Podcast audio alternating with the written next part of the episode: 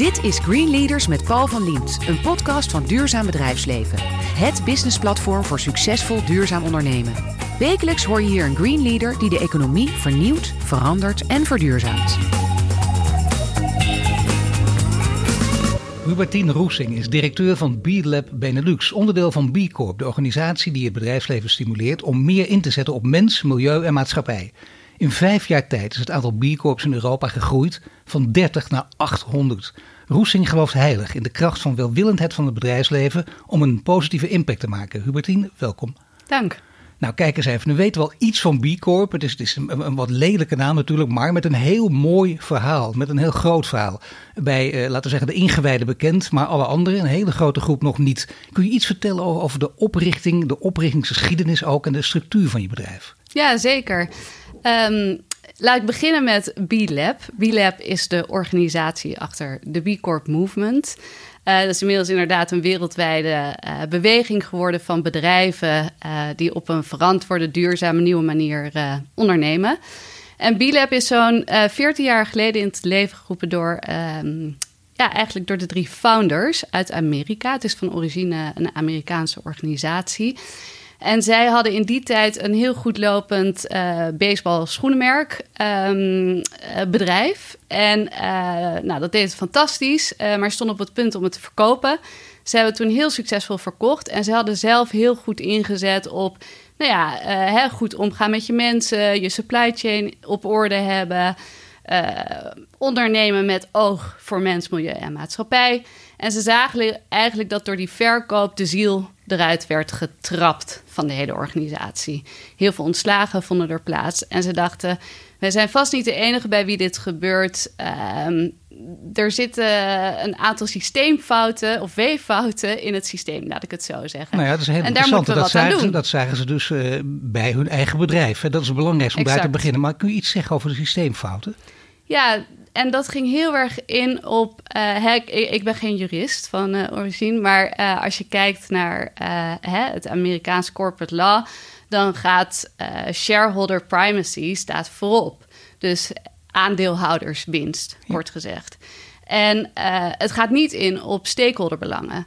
Dus zij waren van mening dat je uh, hè, naar, de, naar, naar de statuten van de organisatie moet kijken. En dat het niet alleen maar over aandeelhoudersbelangen moet gaan, maar ook over de belangen voor je stakeholders in de maatschappij.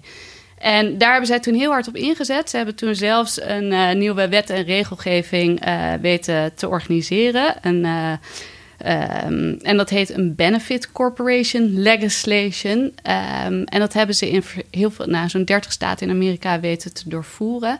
En dat betekent eigenlijk heel simpel gezegd: als je daar naar de Kamer van Koophandel gaat en je gaat je bedrijf incorporeren, kan je ook opten voor een Benefit Corporation. En dat betekent dat je ook met oog voor mens, milieu en maatschappij mag ondernemen. Dat is een dus hele belangrijke. Het niet alleen het, om winstmaximalisatie het, is geen, het is geen vaag verhaal daardoor. Hè? Door, je, nee, door het juridisch vast te leggen, dat maakt exact. wat uit. Want in die tijd, laten we dat even toch in herinnering roepen. Uh, laten we zeggen, het, uh, het nu door, door vele opeens verfoeide neoliberalisme via de hoogtijd toen in Amerika, ook onder CEO's, die, die deze gedachtegang van, van de oprichters van, van, van jouw bedrijf uh, ja, belachelijk maakten. Het stomste idee van de wereld vonden. Dat soort ja, koppen absoluut. zag je in die tijd ook in kranten. Ja. Ze hebben ook lef gehad om daar op dat moment tegen te gaan. Ja, ze zijn wat dat betreft ook echt in het diepe gesprongen. En uh, een tweede punt wat ze ook zagen, zeiden eigenlijk is er nog niet het kader of een benchmark of een uh, hè, een manier van meten van verantwoord ondernemerschap. Iedereen claimt van alles, er is veel greenwashing, maar hoe kan je nou laten zien wat je echt doet? En toen dachten we moeten gewoon daar het juiste format voor creëren. En toen hebben ze een, uh, een assessment, een vragenlijst uh, ontworpen, die ingaat op verschillende aspecten van verantwoord ondernemerschap. Dat is een goede dat je die even noemt, ja, want dat is leuk als je de verhalen leest. Veel bedrijven gaan dan met B Corp in zee maar dan ben je ook uh, soms wel even de pineut. Hè? Dat wil zeggen, het is, je leest het ook in de verhalen daarna. Het is niet even van een dagje binnenkomen en een kleine inspectie uitvoeren. Je zit er soms maanden aan vast. Het is een hele strenge, stevige procedure. Tijdrovend, ik zou bijna zeggen. Maar dan heb je ook wat na afloop. Ja, we hebben, ik denk dat het bewust ook niet te makkelijk is gemaakt. Uh, hè, wat ik al eerder aangaf, er is veel greenwashing en ja. window dressing. Het is uh, niet altijd even makkelijk om een good business te onderscheiden van good marketing. En um, ja, als je door deze vragenlijst weet te manoeuvreren uh, en tot een minimum punten van 80 weet te komen van de 200, dan ben je uh, goed op weg om een B Corp te worden. Maar het betekent dus ook dat de bedrijven soms nog niet het aantal punten weten te halen, ondanks bijvoorbeeld een, een je bent binnen uh, je, je, hebt daar uh, misschien wel een maand onderzoek gedaan. Die zegt, nou sorry, maar jullie halen bijvoorbeeld maar 30 punten. Of jullie halen misschien maar 0 punten. Dus je, er is nog veel werk aan de winkel. Dat gebeurt dus ook. Nou, absoluut. En, en dat is ook wel interessant. Het is niet alleen een meetinstrument. Het is ook echt een managementinstrument. Dus het gaat om jezelf hè, uh, verbeteren en continu te blijven verbeteren. Maar ook wat we vaak zien is dat bedrijven hun blind spots beter in zicht krijgen. Dat ze zeggen, oh, wij zijn fantastisch, want op duurzaam gebied en onze CO2-voetdruk... Nou, hè, doen we het hartstikke goed. En dan zien ze op andere punten dat ze het misschien wat minder goed doen en dat daar werk aan de winkel is. En ze blijven gemonitord. Dat is een hele interessante die je toevoegt. Het is niet zo van jullie gaan weg en je hebt nu dat certificaat voor altijd en klaar. Nee, om de zoveel tijd. Het certificaat kan, ook worden afge, kan ook worden afgepakt, of niet? Nou, om de drie jaar moet ze hercertificeren. Ja. En uh, onze assessment die ontwikkelt zich ook elke drie jaar. Uh, en dat gaat op basis van de input die wij krijgen van 70.000 bedrijven die gebruik maken van de assessment wereldwijd. Dus er zit een feedback loop in en dan kunnen ze laten weten van... hé, hey, deze vraag moeten jullie anders stellen. Dus zo hè, is het een, een, een, een living uh, mechanisme als het ware. En aan de andere kant werken we natuurlijk ook met... wat zijn de trends in de markt? Wat uh, doen andere standards? Uh, en hoe kunnen we die integreren in wat wij doen? Dus op die manier proberen we echt een hoog waardige, hè, kwalitatieve assessment ehm, te behouden, die ook geloofwaardig is in de markt. En dat is groot verhaal, daar komen we straks nog uitgebreid om te spreken. De onderliggende stromen, uh, purpose en winsten, heel belangrijk en die nadrukkelijk samenvoegen. Uh, het bedrijf is groeiende, naar Europa ook geëxporteerd. En daar speel jij dus ook in een leidinggevende positie een grote rol. heb je nog contact met, met de oprichters in Amerika? Ja, er is zeker nog contact met de oprichters. Zij zijn heel actief betrokken. En uh, vorig jaar hebben we hier een uh, Europese summit georganiseerd. En uh, een van de founders kwam daar ook spreken. Dus er is zeker nog uh, ja, contact met de founders en grote betrokkenheid van hen. En meestal zie je dat dit soort initiatieven juist in Europa beginnen. Europa wordt zeker de laatste tijd ook geroemd vergeleken met andere werelddelen. Want dat is het hoogst opgeleide deel van de wereld. Daar moet het allemaal vandaan komen. Heel interessant ook dat dit in Amerika is begonnen. Nu in Europa uh, uh, vaste voet aan de grond gezet. En ook groeiende. Ik had het over van 30 naar 800 bedrijven. Hoe kan dat? Waarom zit bijna die exponentiële groei daarin? Nou, ik denk dat er uh, hele duidelijke voedingsbodem hier in Europa was voor dit concept van B Corp. Hè? Um, een meetlat waar bedrijven zich aan kunnen meten hoe ze het doen rondom, rondom hun uh, impact op de maatschappij. Daarnaast denk ik dat er al heel veel bedrijven waren en zijn die al in essentie een B Corp hè, ja, waren en zijn. Dus die waren er al. En nu kunnen ze het label B Corp ook gebruiken. Um, maar ik denk wat dat betreft dat het niet per se voor heel veel bedrijven, nou voor een aantal bedrijven is het wel heel nieuw, maar voor veel bedrijven is het ook um, heel herkenbaar. En vinden ze het fijn dat ze nu heel concreet vorm kunnen geven aan dat wat ze al jaren doen. Waar en zich daarmee mee onderscheiden inderdaad van, van de, degene die aan greenwashing, maar je hebt ook bluewashing, je hebt ja. zelfs SDG-washingen. Ja. Rainbow washing. Go, rainbow washing. Ja. Ja, er kan heel wat weggewassen worden. Maar in dit geval kan er dus niet, want jullie zijn streng. Um, de bedrijven, je zegt al een paar keer, er zijn bedrijven die al B Corp misschien waren. Of bedrijven die nu blij zijn met, met, met de officiële bevestiging. Uh, kun je een paar voorbeelden noemen van bedrijven waarvan jij zegt, nou dat zijn echt goede bedrijven. Sterke bedrijven, terecht dat ze dit certificaat hebben. Nou ja, ik vind zelf Patagonia uh, altijd een heel mooi voorbeeld. Um, hè, dat is het bedrijf dat uh, bekend is geworden in de outdoorsindustrie voornamelijk een uh, activistisch merk dat verder gaat dan alleen maar winst maken. Uh, um, ze hebben zelfs ooit een campagne gevoerd, Don't Buy This uh, T-shirt, waar ze wel heel veel aandacht mee hebben gericht. Dus het was heel slim, maar uiteindelijk gaat het hen ook om goede kwaliteit leveren, transparantie um, en hoe kunnen we deze be wereld beter achterlaten dan hoe we hem hebben gevonden. En dat is de essentie waarop zij opereren. Ja, maar nu gaat het dus om eh, de echte certificaten. We hadden het er al over. Je moet onderscheid maken tussen de vage termen en, en de, de keiharde uh, afrekening die ook hier mogelijk is. Ja. Um, de, de, al die washing uh, mogelijkheden, toch is het lastig. En toch zijn buitenstaanders daar nog vaak achterdochtig op. Hoe kun je die achterdocht bij een, laten we zeggen, heel groot publiek, wat je natuurlijk ook nodig hebt, hoe kun je dat weghalen? Nou ja, ik denk dat dat uh, deels te maken heeft met hè, uh, mensen uitnodigen om te starten met de assessment. Om zelf te zien hoe ze scoren. En vaak zie je dat business as usual uh, rond de 45 punten scoort. Wat gezien de minimale 80 punten niet zo hoog is. En dat nee. er dus heel veel ruimte nog is voor ontwikkeling en dingen op een andere manier te doen en beter te doen. Dus ons gaat het vooral om niet alleen do no harm, hè, je hygiënefactoren uh, goed op orde hebben als organisatie, maar vooral ook how to do better. En hoe kan je jezelf blijven verbeteren? En excuses dat ik af en toe in het Engels verval, maar we zijn een internationale organisatie. No problem. Dus. Nee, maar ja, nee, een beetje Engels lukt wel. Ja, Dat mag. Nee, dat begrijp ik. Internationaal, in coronatijden wel lastig. Omdat je, je normaal gesproken, denk ik, dan ook veel reist. Veel met mensen te maken hebt in, in andere, andere windstreken. Hoe, hoe gaat het nu? Alleen maar zoomen, alles op afstand? Ja, dat klopt. Ik denk dat dat voor inderdaad de hele wereld geldt op dit moment. Dat de nieuwe realiteit, de Zoom-realiteit is geworden. Uh, wat ik vooral interessant vind om te zien is de enorme interesse in B Corp die we eigenlijk sinds het begin van uh, de pandemie uh, hebben zien ontwikkelen. En dat heeft, ik, ik, vind dat een interessante trend om te zien dat heel veel bedrijven of meer bedrijven zich nu registreren voor de assessment en daarmee aan de slag gaan. En dat bedrijven die al ermee bezig waren, nu ook daadwerkelijk B Corp willen worden. Um, en ik denk hè, in die periode van naar binnen gaan, reflectie, wat is er gaande, uh, niet alleen hè, hier in de wereld, maar ook over onze grenzen heen, dat bedrijven wel meer stilstaan bij de vragen van wat is onze rol hier in de maatschappij. Ja, dat is een beetje de vraag. Hè? Dat, dat, dat is de ene kant. De andere kant is eh, dat veel bedrijven zeggen, nou heel interessant allemaal, maar nu even niet. We hebben wat anders aan ons hoofd. En straks na corona, nee, dan gaan we hier wel mee verder. Ja. En, en er zijn bedrijven die zeggen, nee, juist niet. We pakken juist deze tijd aan, want nu zien we maatschappelijk bewustzijn enorm toenemen en verhogen. Nu doen we dat juist. Waar slaat eh, de weegschaal naar over? Ja, ik vind dat lastig om te zeggen. En uh, kijk, ik zit natuurlijk in die zin best wel in een bubbel hè, van bedrijven die op deze manier ondernemen of willen ondernemen. Dus ik zou zeggen, uh, dat zijn de bedrijven die hier een kans zien. Een crisis staat ook hè, voor kansen en mogelijkheden. Hoe pak je die? Nou ja, bedoel, jullie kunnen wel zien of je nu in deze tijd een enorme aanwas krijgt. En dat zien wij nu.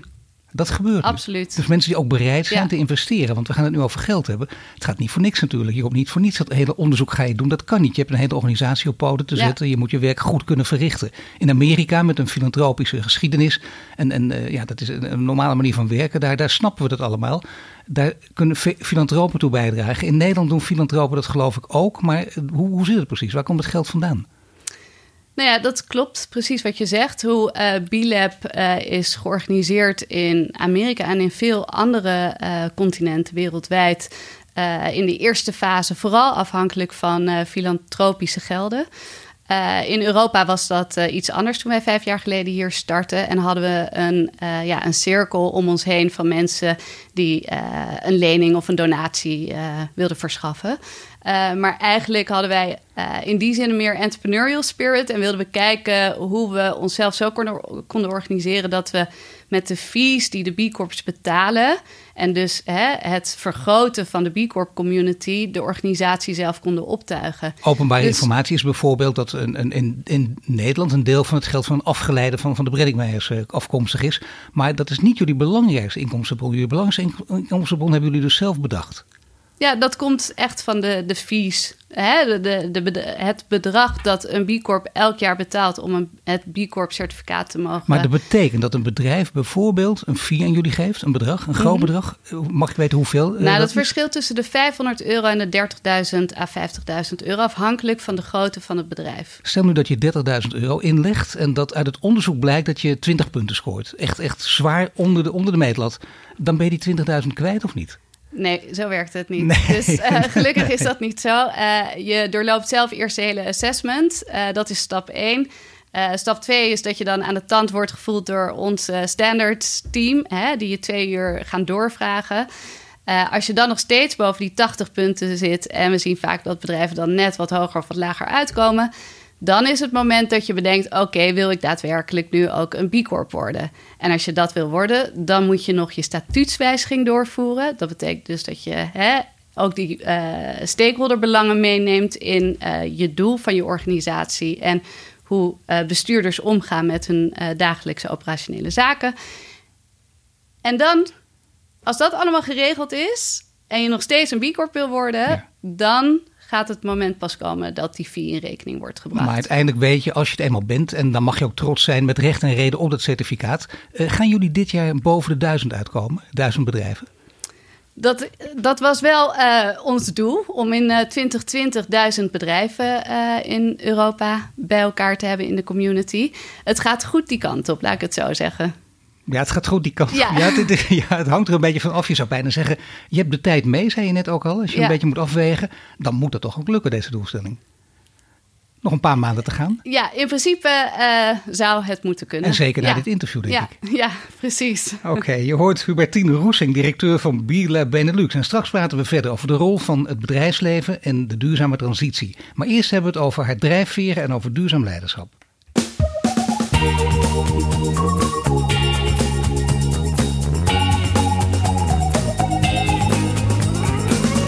Bij in de studio staat Hubertine Roesing. Net spraken we over de aanpak van B Corp. En nu praten we verder over haar persoonlijke drijfveren. Want duurzaamheid, dat is uh, belangrijk, hè, dat woord. Daar kun je ook allerlei andere termen voor vinden. Daar zijn mensen ook uh, ernstig naar op zoek, begrijp ik ook. Het heeft allemaal natuurlijk met innovatie, met, met schone technologie te maken. met milieu, wat voor etiket je erop wil plakken.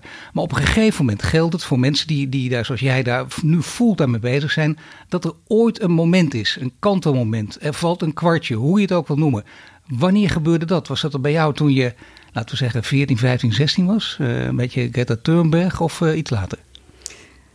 Nou, ik denk dat er verschillende momenten in mijn leven zijn geweest. Uh, ik denk dat ik van jongs af aan wel een heel sterk gevoel voor rechtvaardigheid en onrecht had. Wat ik, ja, had ik gewoon echt moeite mee als mensen weer onrecht werd aangedaan. Een, en... een, een, lastige puber, zeggen mensen ook wel eens dan. Nou, dat was nog voor mijn puberteit. Oh, ja. en dan, uh, ja, hè, ik trok me het, het leed van kinderen heel erg aan in uh, ontwikkelingslanden, UNICEF, dat soort acties. En dan ging ik de straat op. Uh, met een playback show. Uh, en dan ging geld ophalen nee, voor de kinderen. Toch. Voor, ja, dat nou, de verleiding is groot. Omdat nu kun je even nog iets ten beste even, even ogen dicht. Wat, wat deed je dan? Hoe ik die playback show ja, deed. nou, dat laat ik voor na, de, na het interview, denk ik. Nee, maar, um, en natuurlijk, hè, een deel van dat geld ging gewoon naar ijsjes en snoepjes. En een deel ging naar UNICEF. En zo heb ik met mijn zus op een gegeven moment bijvoorbeeld ook kwallensoep verkocht op het strand. Wij woonden dicht bij het strand. En dan verzamelden we uh, dode kwallen. En die gingen we verkopen aan mensen met het idee van... hier kan je s'avonds kwallensoep van maken.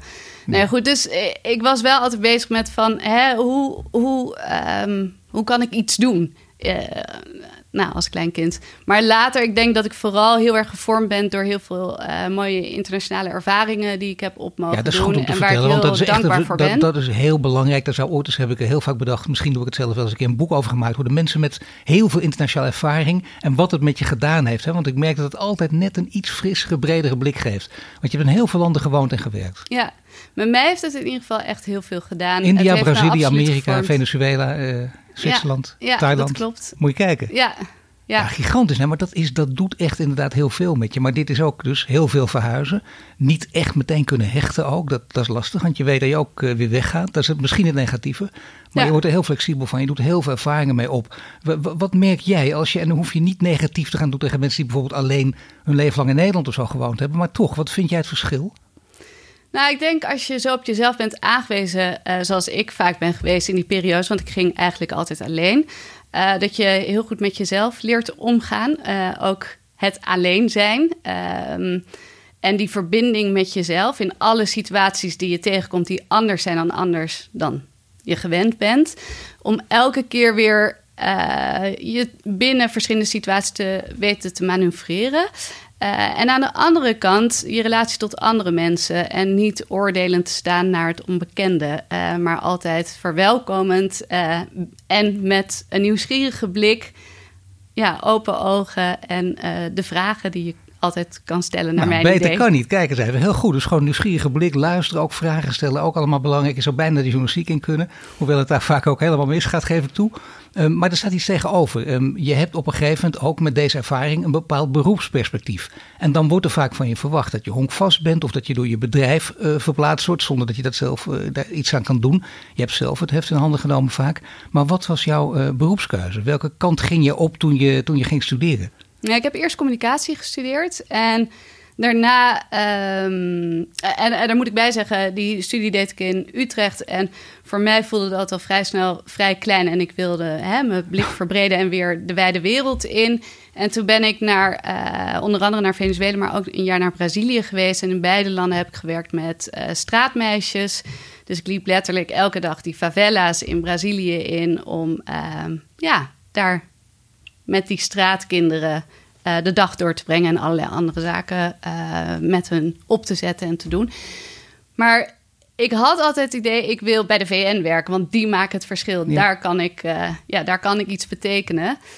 Um, eigenlijk na die ervaring in Brazilië ben ik teruggekomen naar Nederland. Heb ik internationale ontwikkelingsstudies gestudeerd. Dus dat gaat in hè, op het vraagstuk rondom uh, ontwikkelingslanden en internationale relaties. En dat deed ik hier aan de UVA, uh, aan uh, de faculteit Sociale Planologie en Geografie. En dat is redelijk links georiënteerd, om het zachtjes uit te drukken.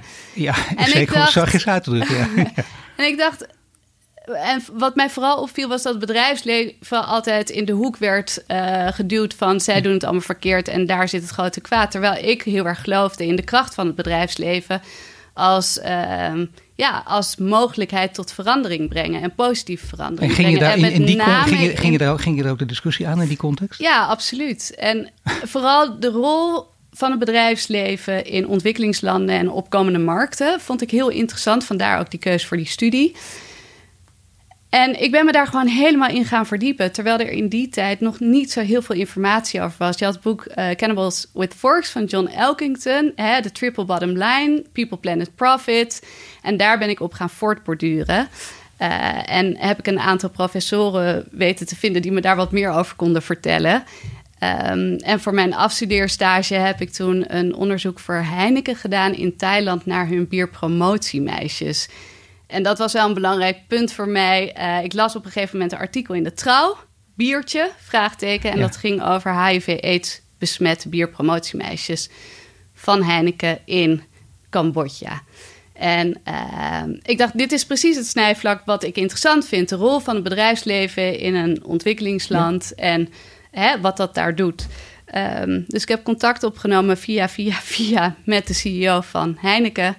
En uh, die stond heel positief er tegenover uh, dat ik die kant op zou gaan. Uh, en heeft mij toegang gegeven tot nou, de juiste mensen in zijn organisatie. En toen heb ik een half jaar daar onderzoek gedaan naar het verantwoord onderneembeleid van Heineken in. Maar heeft jou bevestigd in je, in je aanvankelijke gedachte dat het bedrijfsleven een veel grotere rol speelt dan jou op de universiteit qua ideeën is aangereikt? Ja, absoluut.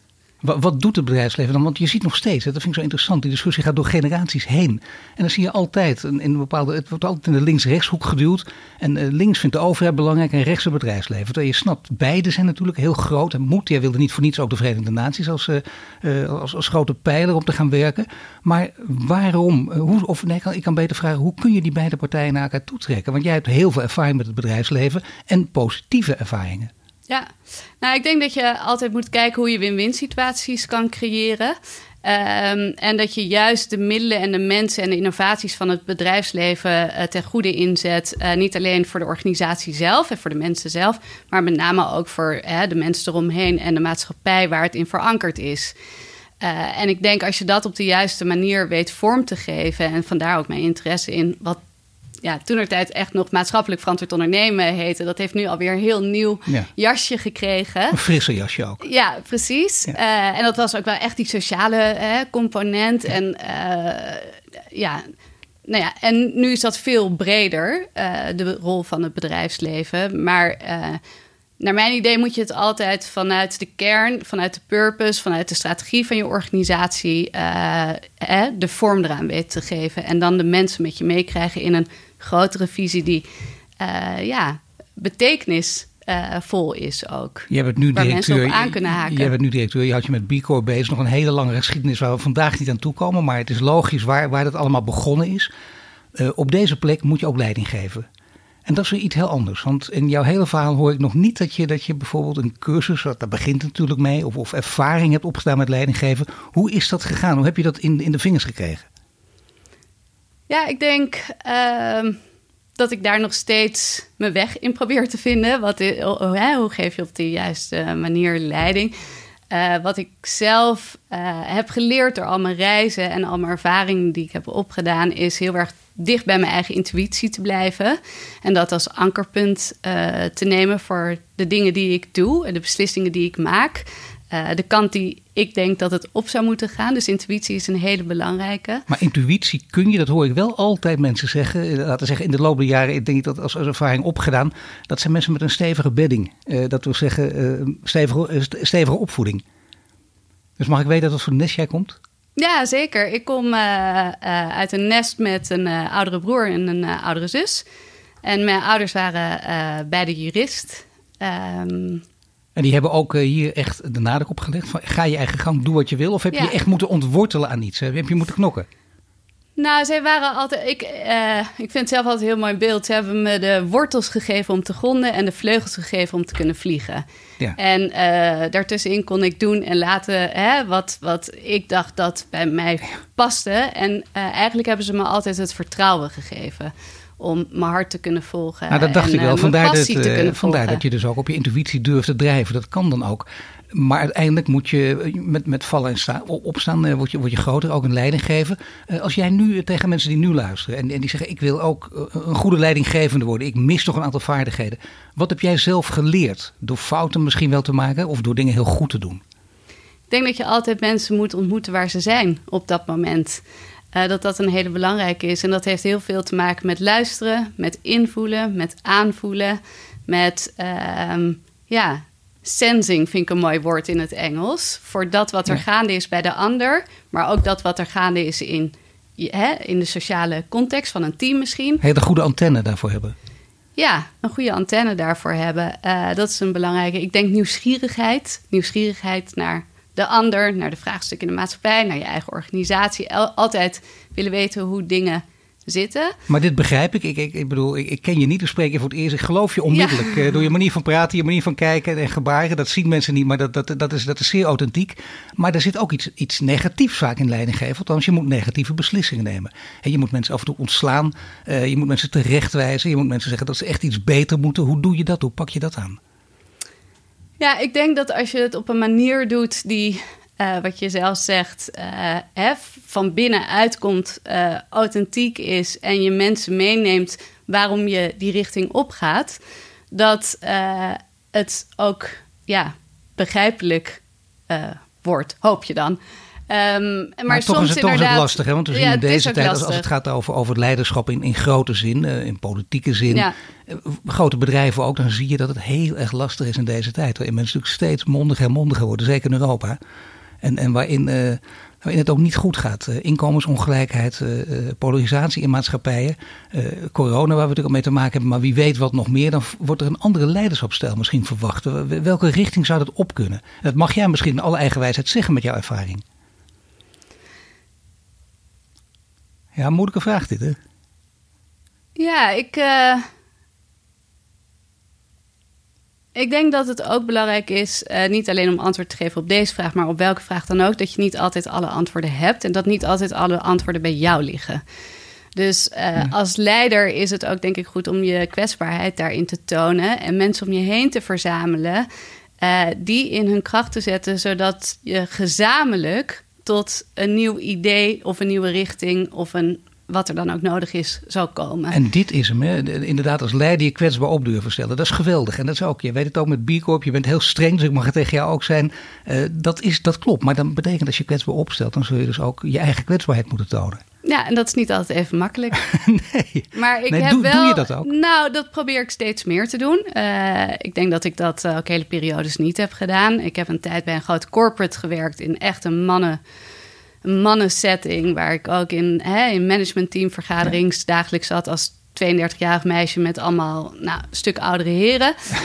Um, en daar uh, vond ik het helemaal niet zo makkelijk om uh, die kant van mezelf te laten zien. Van als ik iets aanvoelde of als ik dacht van hé, dit klopt gewoon niet wat er nu wordt gezegd.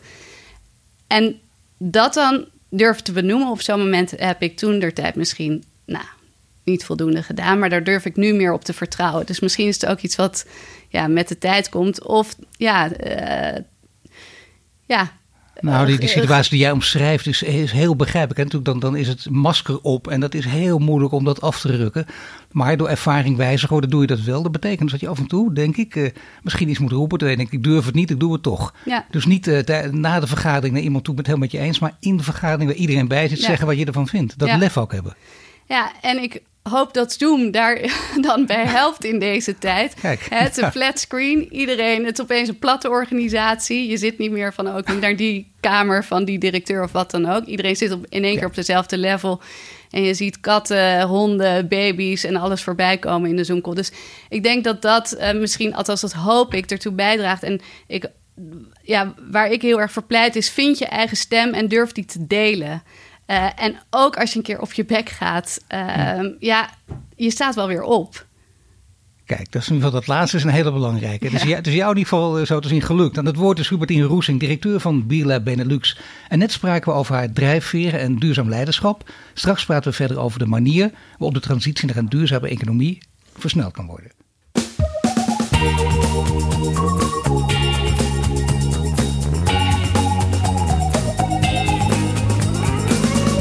In de studio staat Hubertine Roesing nog steeds recht overeind. En net spraken we over duurzaam leiderschap. En nu praten we verder over hoe we het bedrijfsleven kunnen aanzetten tot duurzame verandering. Want je kreeg, ik heb het hier voor mij, een, een letterlijke tekst, een intentieverklaring van 181 CEO's. De zogenaamde Business Roundtable. Ik denk dat mensen die, die, die ons ook volgen goed weten wat dat was. Dat ging natuurlijk over purpose en winst. En, en, en moet dat, kan dat samen gaan? En er werden prachtige verklaringen uitgebracht. Ze waren nog niet bij jullie uh, door de, de tredmolen gegaan. Hadden ze misschien moeten doen, want de kritiek barstte toen los. Het leek geweldig, zeg maar, bedrijven als Coca-Cola, Apple, uh, Goldman Sachs, Amazon, met hele mooie verklaringen. Dat leek echt een doorbraak in 2019. En daarna heel veel kritiek omdat het te vaag was, dat het geen echte zoden aan de dijk zette. Hoe heb jij naar die, die, die tafel gekeken? Nou ja, in die zin hoopvol uh, dat er zo'n bericht van uh, deze CEO's uit Amerika kwam. Een andere narrative dan we gewend zijn. Ja. Um, tegelijkertijd uh, was onze reactie vanuit B-Lab om in de Financial Times een grote advertorial te zetten met Let's get to work. Ja. Dus hè, het is mooi dat jullie mooie woorden gebruiken, um, maar laat zien dat je dat ook gaat nakomen. En um, ik denk dat we moeten proberen te voorkomen. Hè, niet alleen maar te pledgen met elkaar. Met mooie woorden en mooie verhalen naar buiten te brengen. Maar vooral alles wat we zeggen ook echt te laten gronden in, in uh, concrete acties. En uh, nu zijn we een jaar later en die concrete acties zijn wel uh, ja, niet echt, uh, daar is geen follow-up op, uh, op, gegeven of te weinig of nog onvoldoende zichtbaar um, naar mijn idee. Ja, het is echt doodzonde, dus, omdat ja, ze hier dan gewoon echt in, in, die, in die oude val trappen. Want hier ja. geef je mensen die kritiek hadden allerlei munitie. Zie je wel, ze menen het niet, ze doen maar wat. Het is ja. gewoon, het is inderdaad uh, window dressing. Ja, ja, dus ons, hè, nogmaals, ons idee van let's get to work. Wij hebben de handvaten en heel veel andere organisaties ook. Maar ga aan de slag met uh, dat wat je pretendeert te doen. En... Maar wat jullie willen is, is die potentie, en dat is zo mooi, hè, die is echt heel groot. Het is echt groot denken, niet alleen uh, per bedrijf. Kijk eens even wat mooi. Hè. Je hebt de, doelstelling van we willen naar duizend bedrijven toe, maar je wil veel meer. Uiteindelijk wil je tot een, tot een hele reset van de, van de wereldeconomie gaan komen. Ja, dat, dat is een echte transformatie. Dat is iets heel groots. W waar bestaat die reset precies uit?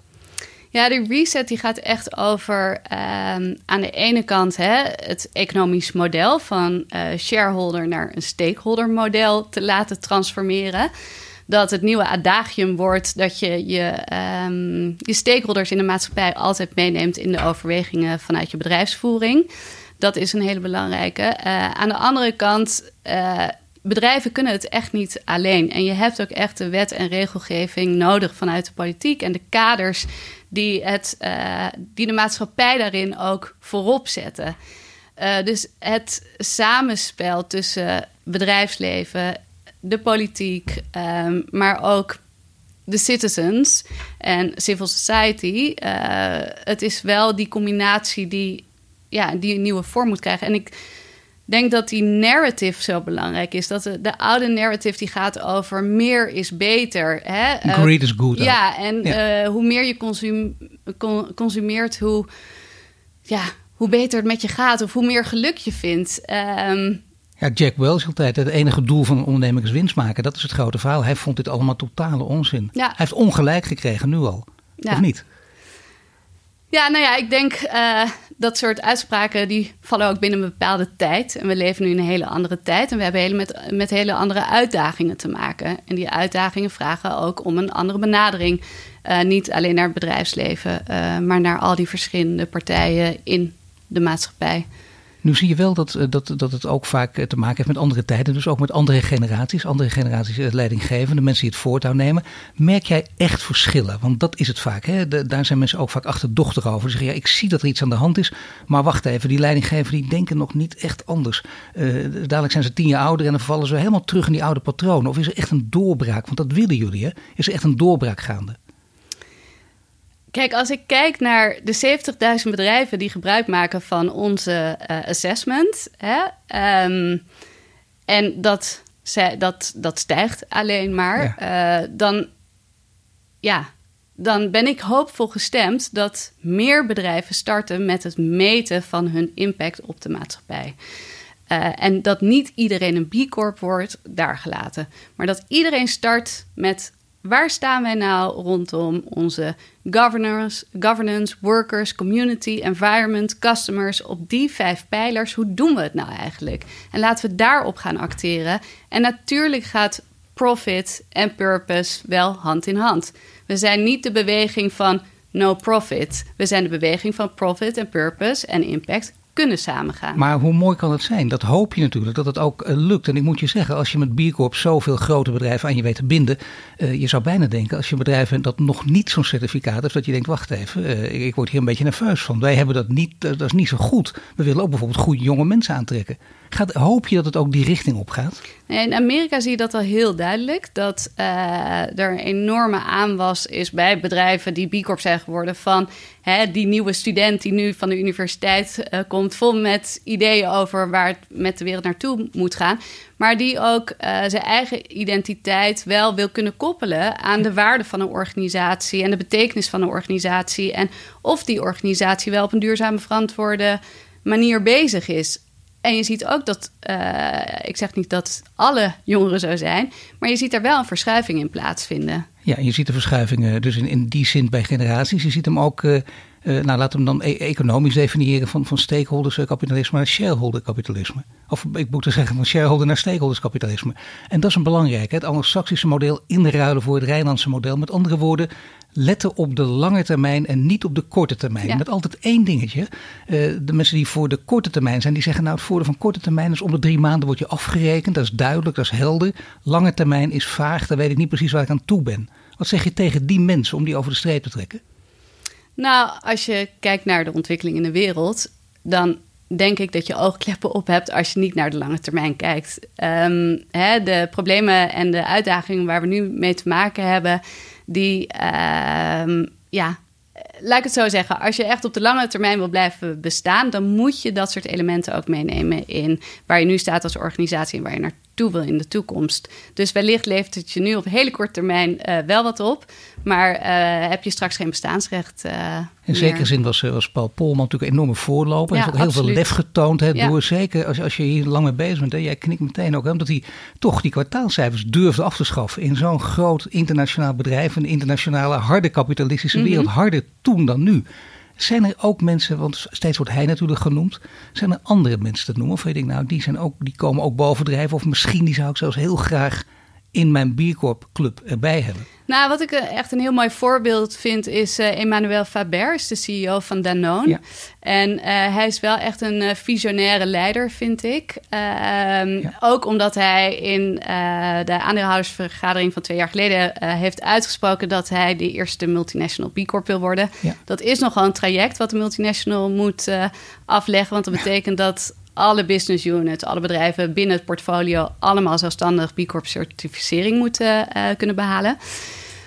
Um, maar hij heeft moed uh, getoond en hij durft in die zin ook in het diepe te springen en echt heel trouw te blijven aan de purpose van Danone.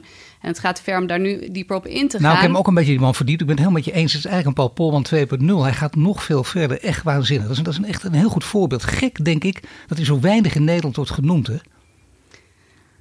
Ja, ja. klopt. Uh, in Frankrijk uh, is hij bekender, laat ik het zo zeggen. Ja.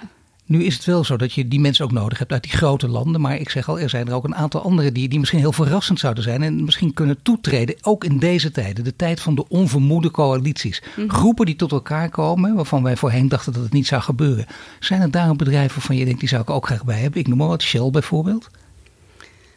Nou ja, Shell is weer een heel verhaal uh, op zich. Wij nodigen wel iedereen altijd uit van hè, begin met de assessment. En uh, onze theory of change gaat erover. Iedereen kan daarmee starten en kijken hoe ver die komt. Uh, absoluut geen garantie om een B Corp te worden, maar wel aan de slag gaan met. Um, ik denk vooral dat het belangrijk is het gesprek te blijven aangaan. Ook met, uh, ja, ik vind het een mooie term, your unlikely allies. Ja. En je, je kritische vrienden. En um, ik denk dat je voorbij je eigen bubbel moet gaan. Wil je echt impact kunnen maken, schaal willen bereiken en het verschil uh, in de maatschappij willen kunnen realiseren. Maar ik weet dat het een, een, makkelijk gestelde vraag is, maar toch, ik wil hem graag wel uit jouw mond horen. Zijn er bedrijven van jij zegt, nou die staan echt allemaal natuurlijk. Hè? En je vindt ze allemaal fantastisch, maar er staan er een paar echt hoog op je lijstje, die zou je heel graag willen toevoegen. In die lijst van duizend, laten we daar Nou, die zitten er zeker in, maar die zitten al in onze database. En alles wat in onze database is, is vertrouwelijk. Nou, dus ik, uh, ja, ik kan me daar niet over uitlaten, helaas. Maar er zitten echt fantastische namen tussen. waarvan je eigenlijk had verwacht, die hadden al lang B Corp uh, kunnen zijn. Uh, en die zijn daar nu mee bezig. Maar toch, het is fantastisch natuurlijk. Het hele verhaal. Het is echt het zwaankleef aan verhaal. Het kan, het kan heel groot worden, de wereld op zijn kop zetten. En het kan ook veel sneller gaan dan wij denken. Ik bedoel, dit, normaal denk je van nou, dat is misschien over 100 jaar. en er komen nog allerlei hobbels en weet ik wat. En je kunt ook nooit helemaal precies een lijn voor uitzetten. Maar dit kan in een jaar of 20, 30 kan dit echt volledig omgekeerd zijn, of niet? Ja, dat is onze visie natuurlijk wel. Absoluut. Nou ja, het is steeds, we kijken naar 2050 en klimaatneutraal, dat zou sneller kunnen. Dit, hier kunnen. En je ziet hoe moeilijk het is. Hè? Verschillende staten met elkaar om de tafel. Uh, dat leidt wel tot iets, maar niet tot gek veel. Hier kunnen bedrijven de versnelling bieden dan. Ja, en ook als je uh, naar zo'n onderwerp kijkt, hè, rondom het klimaat. Uh, we zijn bijvoorbeeld een Net Zero 2030 campagne gestart uh, rondom de COP25 om uh, bedrijven, hè, publiekelijk te laten committeren om klimaatneutraal voor 2030 te zijn. 20 jaar eerder dan de uh, klimaatovereenkomst voor Parijs. En daar hebben nu zo'n 800 uh, B Corps zich aan gecommitteerd om dat daadwerkelijk te doen. Uh, en ons doel is om dat op te schalen naar in ieder geval de helft van de wereldwijde B Corp community. Dus naar zo'n 2000 B Corps die zich daaraan committeren. Ja, fantastische ambitie natuurlijk. En dan een, ja, kijk, je hoort het vaak als het over leiderschap gaat, ook als CEO's, hè, bij de grote bedrijven waar jullie mee praten, dat van hen verwachten dat ze een rolmodel zijn. We zien in ons land al hoe moeilijk dat is. Of het premier Rutte die de fouten gaat, minister Grapperhaus, uh, de koning. dat is voor iedereen lastig aan, aan de top. Er lijkt wel enige verwarring gaande.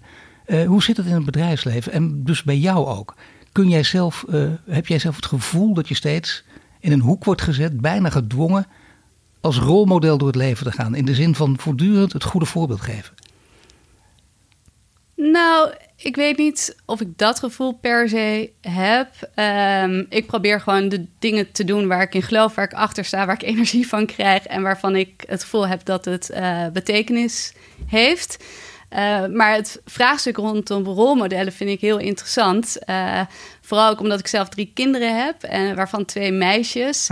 Uh, als je het hebt over vrouwelijke rolmodellen, ik ben daar best wel op zoek naar geweest in mijn eigen loopbaan. Van hè, wie zijn nou die vrouwen waar ik inspiratie van krijg, die, die, waarvan ik denk, wauw, die zijn zo fantastisch.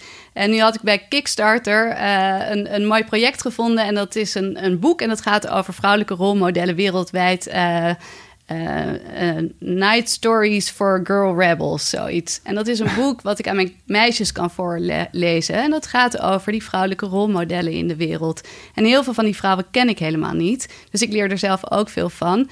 Maar ik denk dat dat een heel belangrijk element is, de rolmodellen in de wereld, uh, om ja die, ja, waar je je aan kan optrekken. Ja, dan, moet je, dan moet je gewoon echt nu een vrouw noemen. Want tot nu toe uh, vroeg ik al, ja, voorbeelden, dat zijn dan uh, hele topvoorbeelden, echt topvoorbeelden, maar wel mannen. Is, is er ook een vrouw voor je zegt, nou, dat is ook een hele goeie. Als ik naar die, uh, die bierkorpen reeks van mij kijk. Er zijn eindeloos veel vrouwen als ik kijk binnen de B Corp community. Ja, ja absoluut. Ja, en ook heel veel vrouwelijke ondernemers die gewoon een eigen bedrijf hebben opgezet. En dat ja, die gewoon echt een, een uh, op een andere manier dingen weten te organiseren, te realiseren en daar een inspirerend en leidend voorbeeld in kunnen zijn. Nou, laten we dan niet één uitpikken, maar gewoon het uh, zo breed mogelijk houden. De verhouding is niet meer 95% mannen, 5% vrouwen. Nee. Nou, geweldig uh, afsluiten van dit, uh, van dit verhaal. Ja. Ik dank je en heel veel sterkte met B Corp. Hubertine Roussin, je luisterde naar een podcast van Duurzaam Bedrijfsleven. Mede mogelijk gemaakt door onze partners Ebbingen en Hill en Nolten. En volgende week zijn we terug met een nieuwe Green Leader. Dit was de Green Leaders podcast voor deze week. Volg onze website voor meer nieuws over succesvol duurzaam ondernemen. Wil je meer afleveringen luisteren? Abonneer je dan nu via iTunes of Spotify en krijg een melding wanneer er een nieuwe podcast online staat.